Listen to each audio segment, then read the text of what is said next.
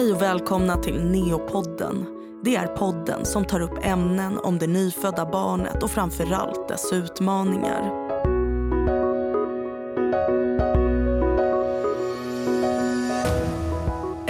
Friskt barn i magen har stor kapacitet att klara en lätt till måttlig syrebrist under förlossningen genom att omfördela blodflödet från exempelvis armar och ben från mindre viktiga organ till hjärta, hjärna och binjurar samtidigt som energiåtgången minskar i cellens processer. Förutom komplikationer under förlossningen kan även flertalet tillstånd hos mor och eller barn bidra till att en asfyxi utvecklas.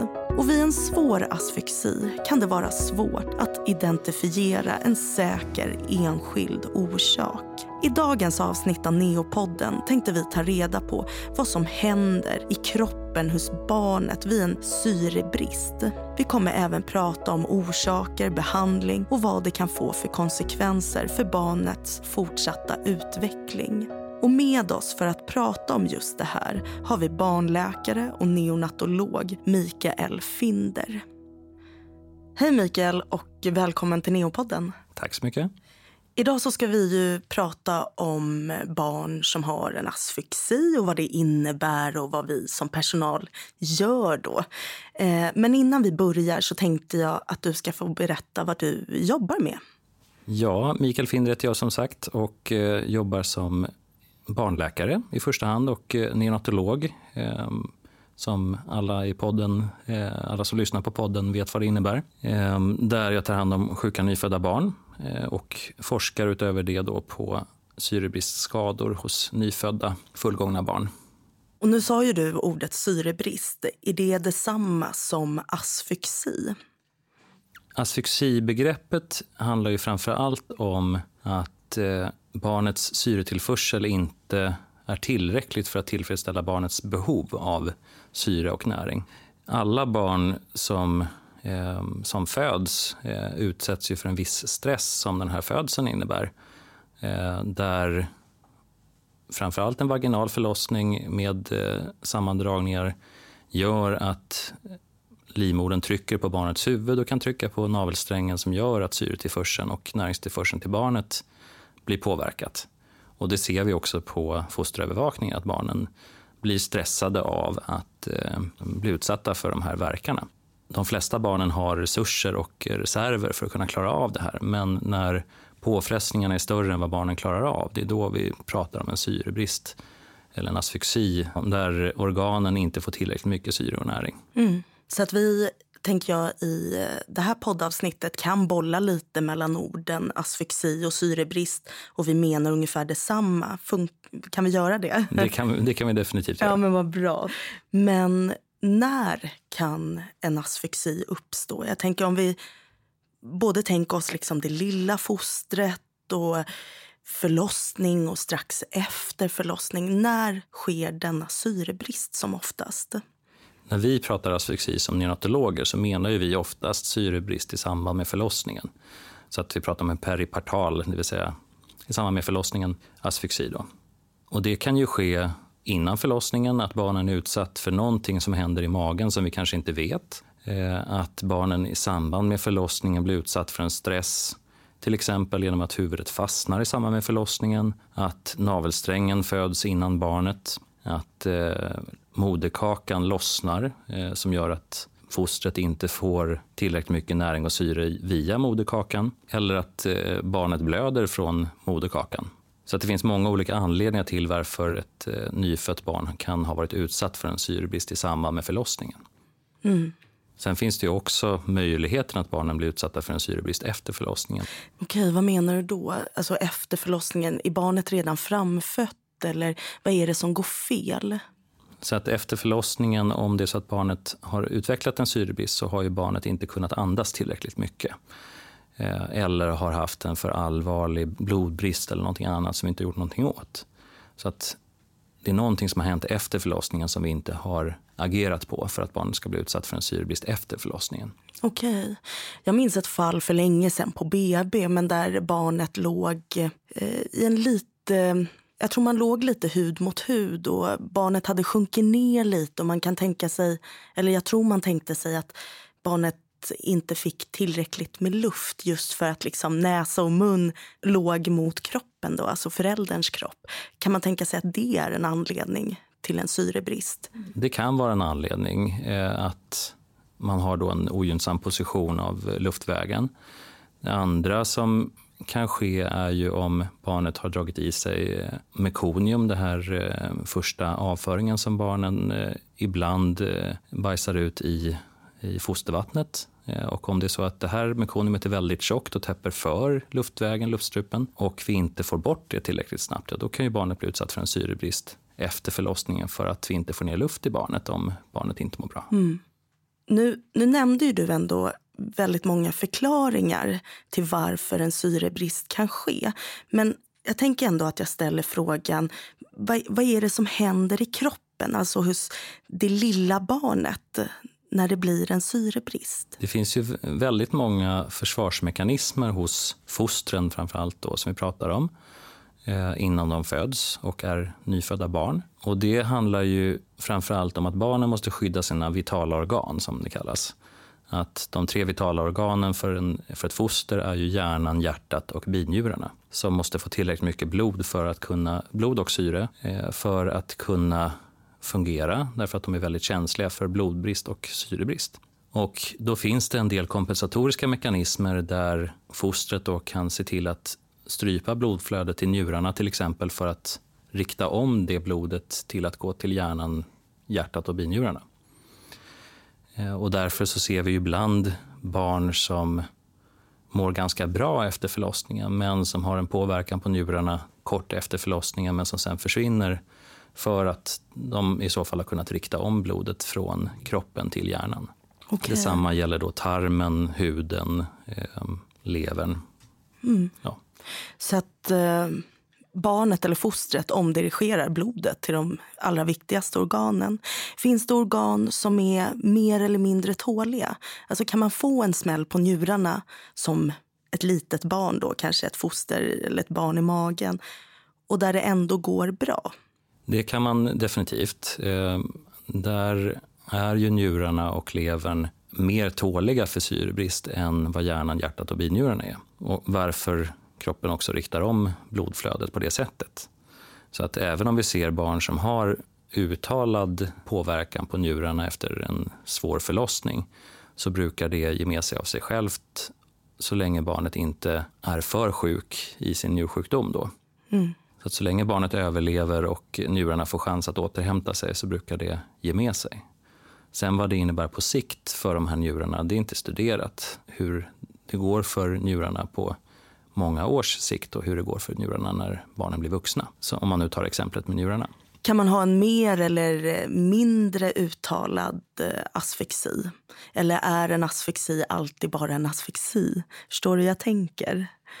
Jag förstår precis hur du tänker och det är ju väldigt många olika orsaker till varför man får en asfyxi Där barnen nästan aldrig ter sig likadant. Vissa barn hinner reagera på den här eh, syrebristen och hinner omdirigera blodet så att man ser en stor påverkan på de icke-vitala organen. Men att barnet verkar må bra när det föds. Så att om man har en allvarligare, snabbare och djupare asfyxi så kan vi se en stark påverkan på hjärnan utan att vi ser någon påverkan på de andra organen.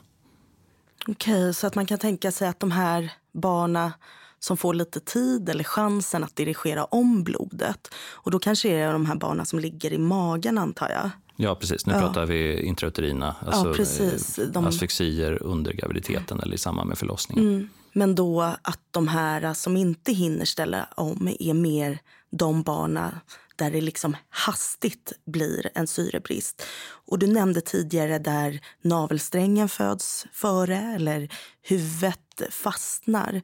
Men om vi nu tänker den här lite långdragna asfixin som sker i magen och den här mer plötsliga som sker vid födseln. Är det något av det här som är mer eller mindre önskvärt? Vad är värst? Ja, nu är det en pest eller kolera-fråga eh, och det går inte riktigt heller att svara på. Utan det är ju, vissa barn klarar av en plötslig syrebrist i samband med förlossningen utan att de blir speciellt påverkade. Huvudet kan fastna och så sitter det fast en kort stund och sen så föds barnet ut och mår helt bra. Ja, då är det såklart bättre än att barnet inte mår bra oavsett vad anledningen var.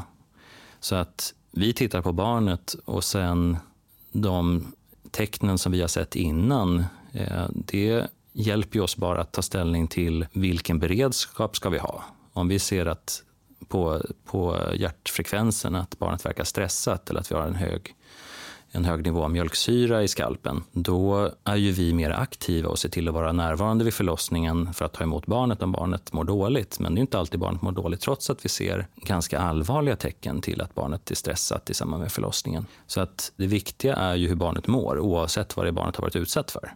Sen finns det vissa tillstånd där vi vet att vi behöver göra någonting om barnet har blött stora mängder. Ja, även om barnet mår helt bra, då kanske barnet behöver få lite mer blod. Men det är mer enstaka tillstånd. Annars så är det viktiga hur barnet mår och så agerar vi på det. Mm. Men om vi nu tänker oss de här äh, akuta asfexierna och syrebrist. Vi har ju nämnt att navelsträngen föds fram före barnet vilket kan göra eller leda till att navelsträngen liksom knyts åt. Ja. ja. precis. Och det blir inget bra flöde i det.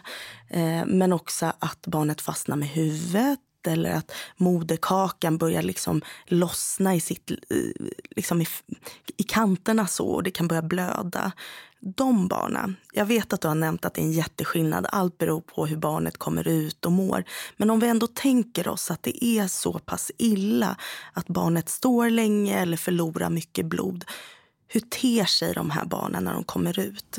Det vi gör då med alla, barn som är ny, alla nyfödda barn generellt är ju att vi bedömer dem enligt en strukturerad modell som heter APGAR som eh, säger då att man ska titta på barnen vid en minut, vid fem minuter, vid tio minuters ålder där vi bedömer enkla parametrar som alla barnmorskor ska kunna, alla, eh, alla barnläkare och alla som tittar på nyfödda barn ska kunna göra eh, utan närmare eftertanke. Och det är ju att vi tittar på hjärtfrekvens, vi tittar på andningen hos barnet, vi tittar på hudfärgen, muskeltonus och eh, retbarheten hos barnen. Och då får man en poäng som är mellan noll om man nu inte har någon hjärtfrekvens och inte har någon andning och eh, barnet är helt blekt, inte rör sig och inte reagerar på någonting vi gör.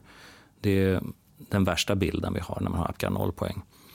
Eh, till det helt normala välmående barnet som föds och är lite blått för att alla barn har en lägre syresättning i magen än vad de har när de är nyfödda. Som har en normal puls, andas helt själv utan problem, gärna skriker och eh, är då lite blårosig och eh, reagerar på att vi tar i barnet. Eh, så det är ju hela spektrat däremellan. Mm. Och vad skulle du säga, för då var det vid en, fem och tio minuters ålder som vi bedömer Apgar. Om vi tänker oss Apgar vid tio minuter är, ja men om vi tar det värsta, det är noll. Vad innebär det? Hur ter sig det barnet? Det barnet är ju helt livlöst.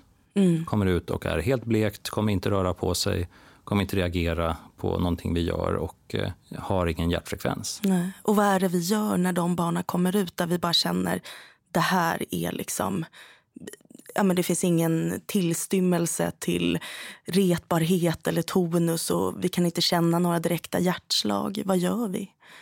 Om inte vi som barnläkare då eh, är på plats så tillkallas vi akut av förlossningspersonalen. Så vi kommer springandes för att ta hand om barnet. Där det finns en strukturerad algoritm som är likadan för hela Sverige.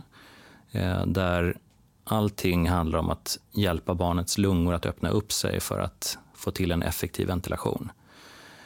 Så att vi positionerar barnet på ett bra sätt på barnbordet eh, där vi tar hand om barnen. Vi lägger på då en mask över ansiktet där vi börjar ventilera barnen. Och om det är så att barnet inte har någon puls och inte reagerar med att pulsen stiger trots att vi har ventilerat barnet i en minut, då börjar man hjärtkomprimera barnet på samma sätt som man gör med vuxna, fast då med mindre kraft såklart och med en annan, en annan teknik, en annan teknik ja. än vad vi gör på vuxna. Mm. Ehm, och sen så ser vi till att vi får in en infart ehm, för att kunna ge läkemedel till barnet om det behövs.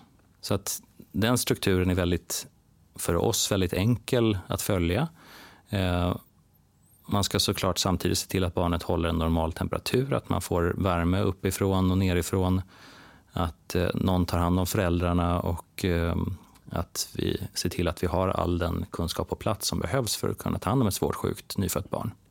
På alla nyfödda så tar vi ju prover från navelsträngen, eller de allra flesta nyfödda. Och det ska vi ju framförallt göra om det har varit en tuff förlossning eller att det kommer ut ett barn som inte mår bra. Men sen så sätter vi också en nål vid barnbordet och genom den så kan vi inte kan vi även ta prover. Vi kan ge läkemedel, men vi tar även prover från nålen. Och då tar vi ju något vi kallar blodgas som analyseras på avdelningen eh, vad kan vara påverkat på, på blodgasen så att säga vid en syrebrist? Hur kan en... När vi pratar om då blodgaser så det är ju dels någonting som vi tittar då på som du säger i navelsträngen. Vi kan ta blodprover från barnet vid flera tillfällen för att följa det här. Och när man då beskriver en blodgas så tittar man på eh, dels då pH och tittar på hur surt blodet är. Man tittar på koldioxidnivåer, syrenivåer och eh, så tittar vi också på saltbalansen i blodet. Eh, och även mjölksyra och vissa andra eh, ämnen. Så att vi får en ganska bra bild av hur välbalanserad kroppen är. Och det här är ju någonting som man tillsammans med Apgar då bedömer i samband med förlossningen för att avgöra hur allvarlig den här förmodade syrebristen har varit i samband med förlossningen. Det som händer vid en asfyxi det är att vi har fått ett avbrutet gasutbyte i delar av kroppen. Där syrgastillförseln till barnet har blivit påverkat men då också eh, koldioxidbortforslingen, så att säga. Att koldioxiden ska försvinna från barnet. Och koldioxid gör ju att kroppen blir sur. Eh, det som också händer när barnet är utsatt för en stress är att det bildas mjölksyra som också gör att kroppen blir sur. Och det vi ser då blir en påverkan på sur salthetsgraden i blodet. Eh, och då har man satt en viss gräns. att Om du har ett pH som ligger under ett visst värde ja då har vi en misstänkt syrebrist i samband med förlossningen. Det är tyvärr inte något jättebra blodprov som berättar för oss om hjärnan har blivit påverkad eller inte. Men det är det vi använder att gå på tillsammans då med Apgar och tillsammans med alla andra pusselbitar som vi har i samband med förlossningen för att avgöra hur påverkat barnet är. Så att det är en av alla de här pusselbitarna som vi har. Mm. Kan man då tänka sig att syrenivåerna i blodet är låga och koldioxidnivåerna är höga? Det kan ja. man mm. Eh, göra. När du blir utsatt för en stress och eh, cellerna i kroppen inte får tillräckligt mycket syre så bildas ju mjölksyra i de cellerna. Och det gör ju blodet surare eh, och på samma sätt som du springer, springer snabbt så bildas det mjölksyra i dina muskler. Det är ju ett normalt fysiologiskt svar men barnen som är nyfödda är utsatta för en mycket högre stress än vad du någonsin kommer att bli under resten av livet.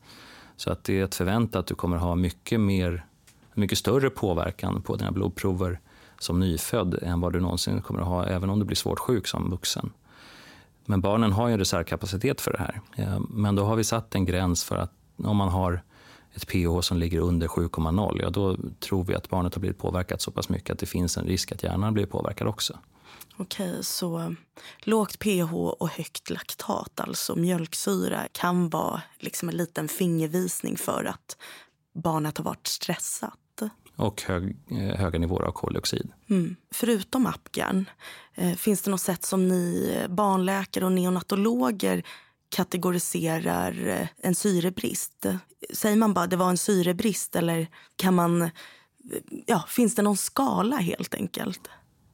Så att i början när vi tar hand om svårt sjuka nyfödda barn som har varit utsatta för en syrebrist, då handlar ju allt om hur barnen svarar på de insatserna vi gör. Så att de flesta barnen svarar väldigt snabbt på en effektiv ventilation med att i första hand stiga hjärtfrekvens och sen eh, när hjärtfrekvensen har gått upp så blir barnen rosigare och eh, börjar reagera mer och röra sig mer och eh, kan reagera på det vi gör och etablera en egen andning.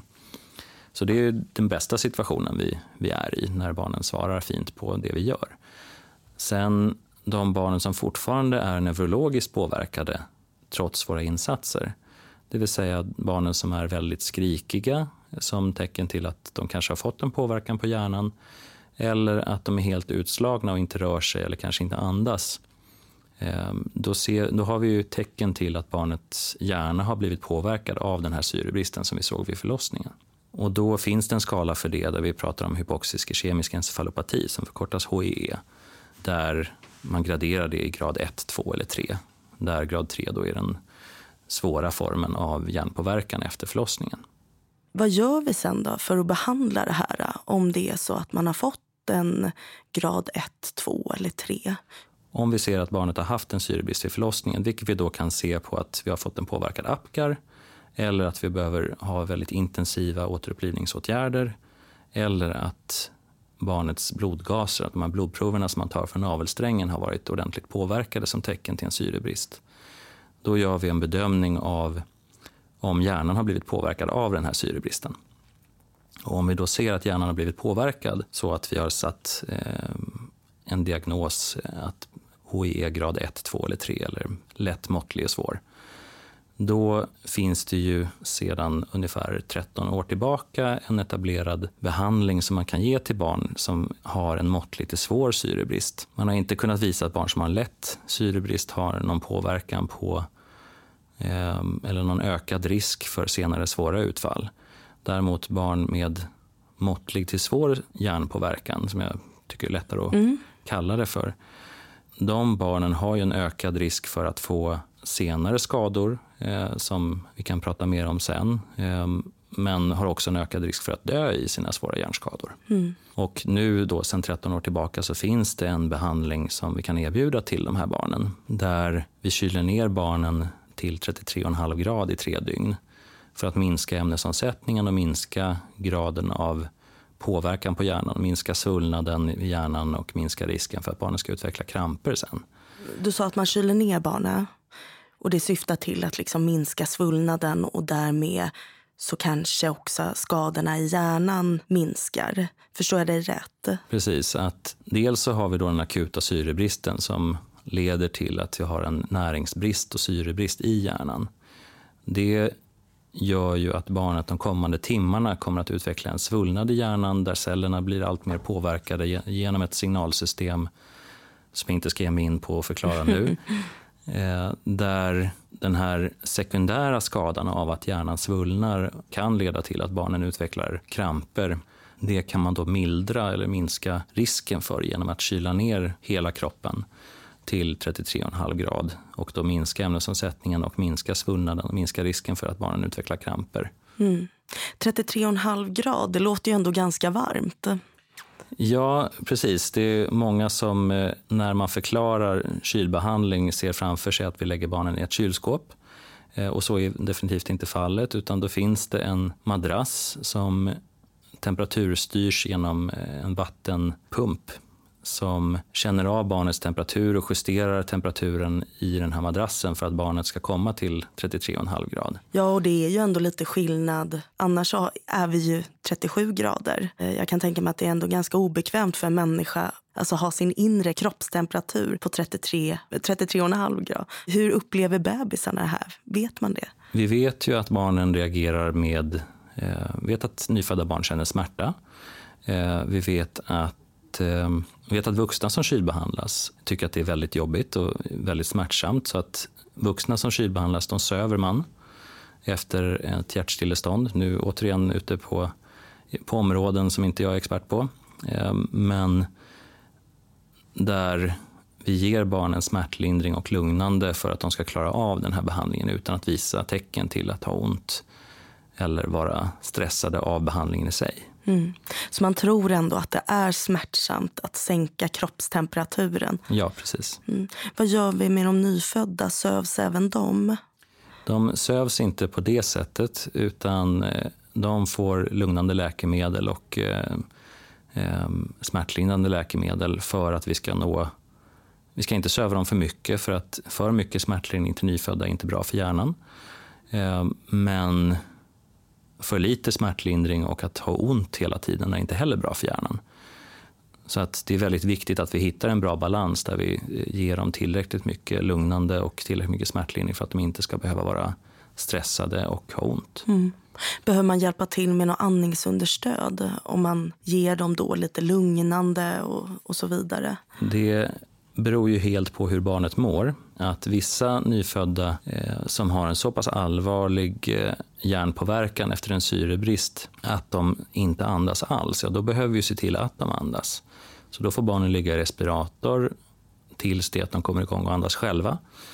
Eh, och ju snabbare barnen återhämtar sig och börjar andas själva, desto bättre såklart för prognosen. Men sen är det ju en del barn som kräver mycket smärtlindring och eh, i så fall kan man sluta andas på grund av det, men det är ju reversibelt. Och när kan man påbörja den här kylbehandlingen, alltså lägga barnet på den här madrassen? När gör man det? Är det direkt efter födseln eller kan man vänta? Och de studier som är gjorda eh, på kylbehandlingen, då har man tittat på dels eh, att i algoritmen så ska vi kylbehandla barnen före sex timmars ålder. Och det är även studier gjorda på att tid, på tittat, man har tittat på tid efter syrebristen och hur snabbt man kommer igång med en kylbehandling eller hypotermibehandling. Där man visar att tidig kylbehandling är bättre än att komma in för sent. Okej, så skadan får liksom inte vara skedd riktigt utan man ska, det får inte bli värre så att säga? Är det därför? Det är ju, efter den här initiala närings och syrebristen så är det ju någonting som pågår och den processen kan man ju dämpa då genom att sänka temperaturen. Eh, och vi brukar ju se de här kramperna hos de här barnen när de krampar. Då brukar ju det vara då någonstans efter sex timmars ålder när hjärnan har börjat svullna. Så att vi kan minska risken för att barnen får påverkan på det sättet genom att kylbehandla så tidigt som möjligt, ja. Är det farligt för barn att krampa? Är det alltid ett tecken på att det har skett en skada? Kramper hos nyfödda är ju sällan på grund av en epilepsi hos barnen och det är vi ju ofta noga med att berätta för föräldrarna. Att barn som krampar kan ha en genetisk krampsjukdom men det är oftare ett svar på att hjärnan har blivit påverkad av någonting annat. Så att de barnen som krampar av sin syrebrist, ja de har ju fått en så pass allvarlig syrebrist att hjärnan har blivit påverkad och då är det såklart sämre att ha kramper än att inte ha det. Om det inte är så att hjärnan är så pass skadad att det inte finns tillräckligt mycket hjärna kvar att, att visa några kramper eller någon tillräckligt mycket funktion kvar för att kunna uppvisa några kramper. Jag tänkte bara ställa en till fråga där kring kramper. Nu börjar ju vi komma utanför ämnet, men det är så spännande. Hur ser en kramp ut? Går det att säga att det här är en kramp när de gör så här? Det är en väldigt bra fråga du ställer för att nyföddhetskramper är väldigt svårt att diagnostisera bara genom att titta på barnet. Att de flesta nyfödda barn har ett ganska omoget rörelsemönster som kan vara lite ryckigt och eh, sprittigt som vi kallar det, lite slarvigt. Och då är det många föräldrar som är nyblivna föräldrar som inte har sett barn förut som funderar på de här rörelserna som jag ser på BB är det kramper eller ska barnet röra sig så? Eh, och då, det bästa man kan göra i det läget är ju såklart att fråga den barnmorskan som är på BB om det här ser normalt ut och då kan man oftast bli lugnad i det. Men även erfarna barnläkare och eh, neonatologer och barnneurologer är tyvärr väldigt dåliga på att ställa diagnosen kramper genom att titta på barnet. Så att man har visat filmer i studier för erfaren personal och samtidigt haft ett EEG på barnet så får personalen gissa, var det här kramper eller inte? Så har man ungefär en träffsäkerhet som motsvarar singla slant. Så att det är väldigt svårt att bara titta på barnet och säga om det är kramper eller inte. Det finns lite mer eller mindre typiska rörelsemönster för kramper. Men om man misstänker kramper hos en nyfödd bebis, oavsett om det är på grund av en asfyxi eller om det är på grund av att barnet har haft, fått en propp i hjärnan eller har någon annan orsak till att ha kramper, så behöver vi koppla upp barnen med ett EEG för att kunna verifiera då att, eh, att barnet har kramper. Mm. Vad är ett EEG för något? Ett EEG är då ett sätt att mäta hjärnaktiviteten där man sätter små elektroder på skalpen och tittar på små spänningsvariationer över hjärnan för att eh, bedöma hjärnfunktionen. Och där kan man då se att vissa typer av mönster är förknippat med, med eh, vissa typer av anfall. Hur vanligt är det med kylbehandling? Hur många barn behandlas? Det är ungefär om vi börjar från, går tillbaka till hur många barn som har syrebrist så är det ungefär 2-3 barn på 100 födda som drabbas av en syrebrist i samband med förlossningen. Ja, eh, sen är det ungefär 10 procent av dem som utvecklar en påverkan på hjärnan till den grad att vi behöver göra någonting, med, att vi behöver behandla barnen med kylbehandling till exempel. Så vi pratar om ungefär 1 till 5 barn per tusen födda som har en så pass allvarlig syrebrist att eh, vi behöver behandla dem. Från vilken vecka kan man kylbehandla barn? Så vi kylbehandlar fullgångna barn därför att det är det som är studerat eh, och det är de som är inkluderade i studierna. När det kommer till de här lätt för tidigt födda barnen, ja då eh, har vi inte riktigt samma belägg men det finns enstaka barn som vi har kylbehandlat i, i lätta prematuritetsveckor. Sen när det kommer till våra mycket för tidigt födda och extremt för tidigt födda barn, där är ju skadepanoramat helt annorlunda och eh, med de barnen så är det väldigt viktigt att vi håller en normal temperatur. Ehm, så att de barnen kylbehandlas inte och har inte alls samma typer av hjärnskador som de fullgångna barnen har i samband med förlossningar. Okej. Okay. Eh, du har tagit med en bild som vi har framför oss på ett barn som ligger i, i som kylbehandlas. Och det är väldigt mycket runt omkring barnet. Det är inte bara den här eh, madrassen utan eh, även mycket annat. Kan du inte berätta lite kring bilden? Vad är det vi ser? Det vi ser på den här bilden är ju ett barn som ligger i respirator. Ehm, där vi också då har en sond, en eh, näringssond som går in genom näsan ner till magsäcken som vi kan ge barnen mat genom. Barnen är ju svårt sjuka så vi har också det vi kallar för centrala infarter. Och på nyfödda så har vi stora kärl lättillgängliga genom navelsträngen så att där kan vi sätta då de här Eh, de här navelkatetrarna som vi använder till både för mycket för tidigt födda barn och till fullgångna barn om de är så pass sjuka att vi behöver ha avancerade, kunna ge avancerade läkemedel och ta prover frekvent. Så att barnet har ju katetrar genom naveln vi har också en urinkateter för att den här smärtlindringen som vi har pratat om kan göra att barnen slutar kissa. Så att vi måste hjälpa barnen att kunna göra sig av med sin urin. Vi har också då, eh, övervakning på hjärnans funktioner då med EEG, eh, som vi också har pratat lite om. Där eh, barnet har en mössa på sig för att hålla fast de här elektroderna.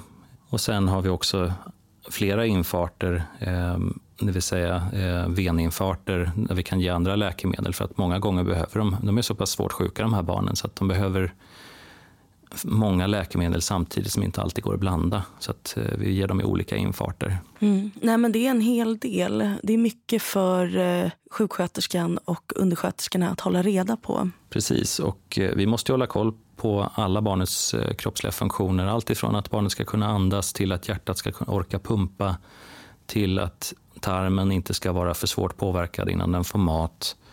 Vi håller också koll på barnets koagulationssystem för att se att barnet inte ska vara lättblödande eller eh, få några proppar.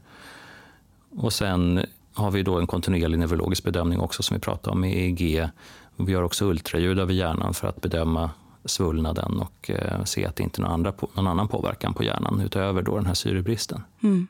Men vad är föräldrarna i det här? Kan man hålla sitt barn medan det kylbehandlas? Föräldrarnas närvaro är jätteviktig för barnen under nyföddhetsperioden.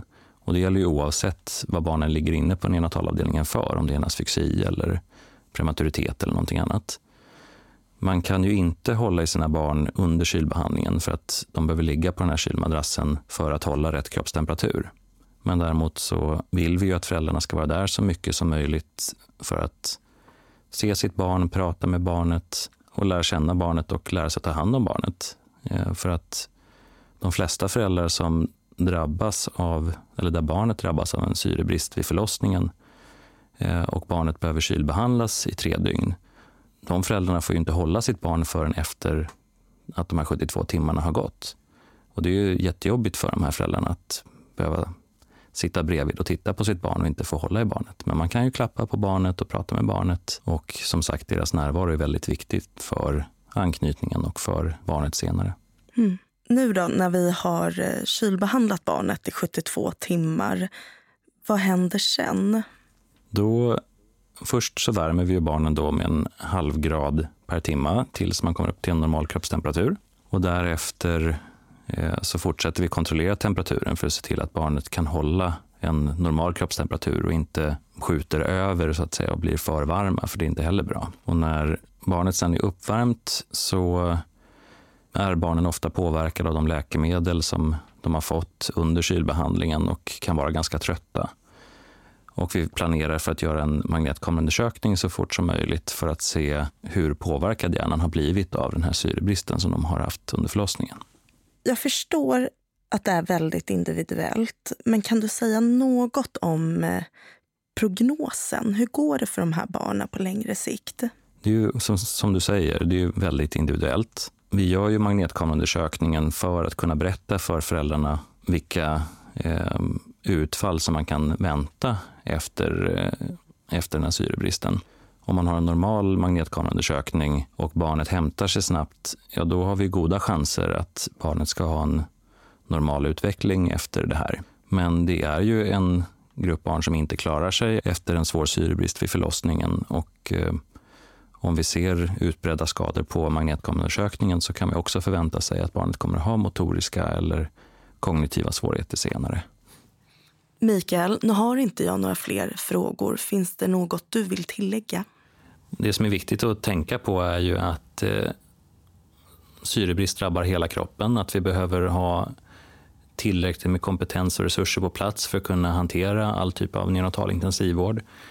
Ehm, och om det skulle vara så att man på något eh, annat center kylbehandlar barnen och har några frågor eller funderingar så kan man ju alltid ringa till, till ett regionalt center för att eh, eh, få hjälp. Sen som förälder är ju, här, är ju det här bland det värsta man kan drabbas av. Ehm, och jätteviktigt att vi tar väl hand om hela familjen och inte, och inte glömmer bort föräldrarnas roll i det här. Tack Mikael Finder. Det var allt för den här gången och tack som gästade Neopodden. Tack så mycket. Tack för att jag fick komma. Ja, självklart. Det var allt för Neopodden den här gången. Tack ni som lyssnat och tack Mikael Finder som delade med sig utav sin kunskap. Vill ni veta mer så lyssna gärna på våra tidigare poddar eller följ oss på våra sociala medier. Och mig vars röst ni hört heter Milla.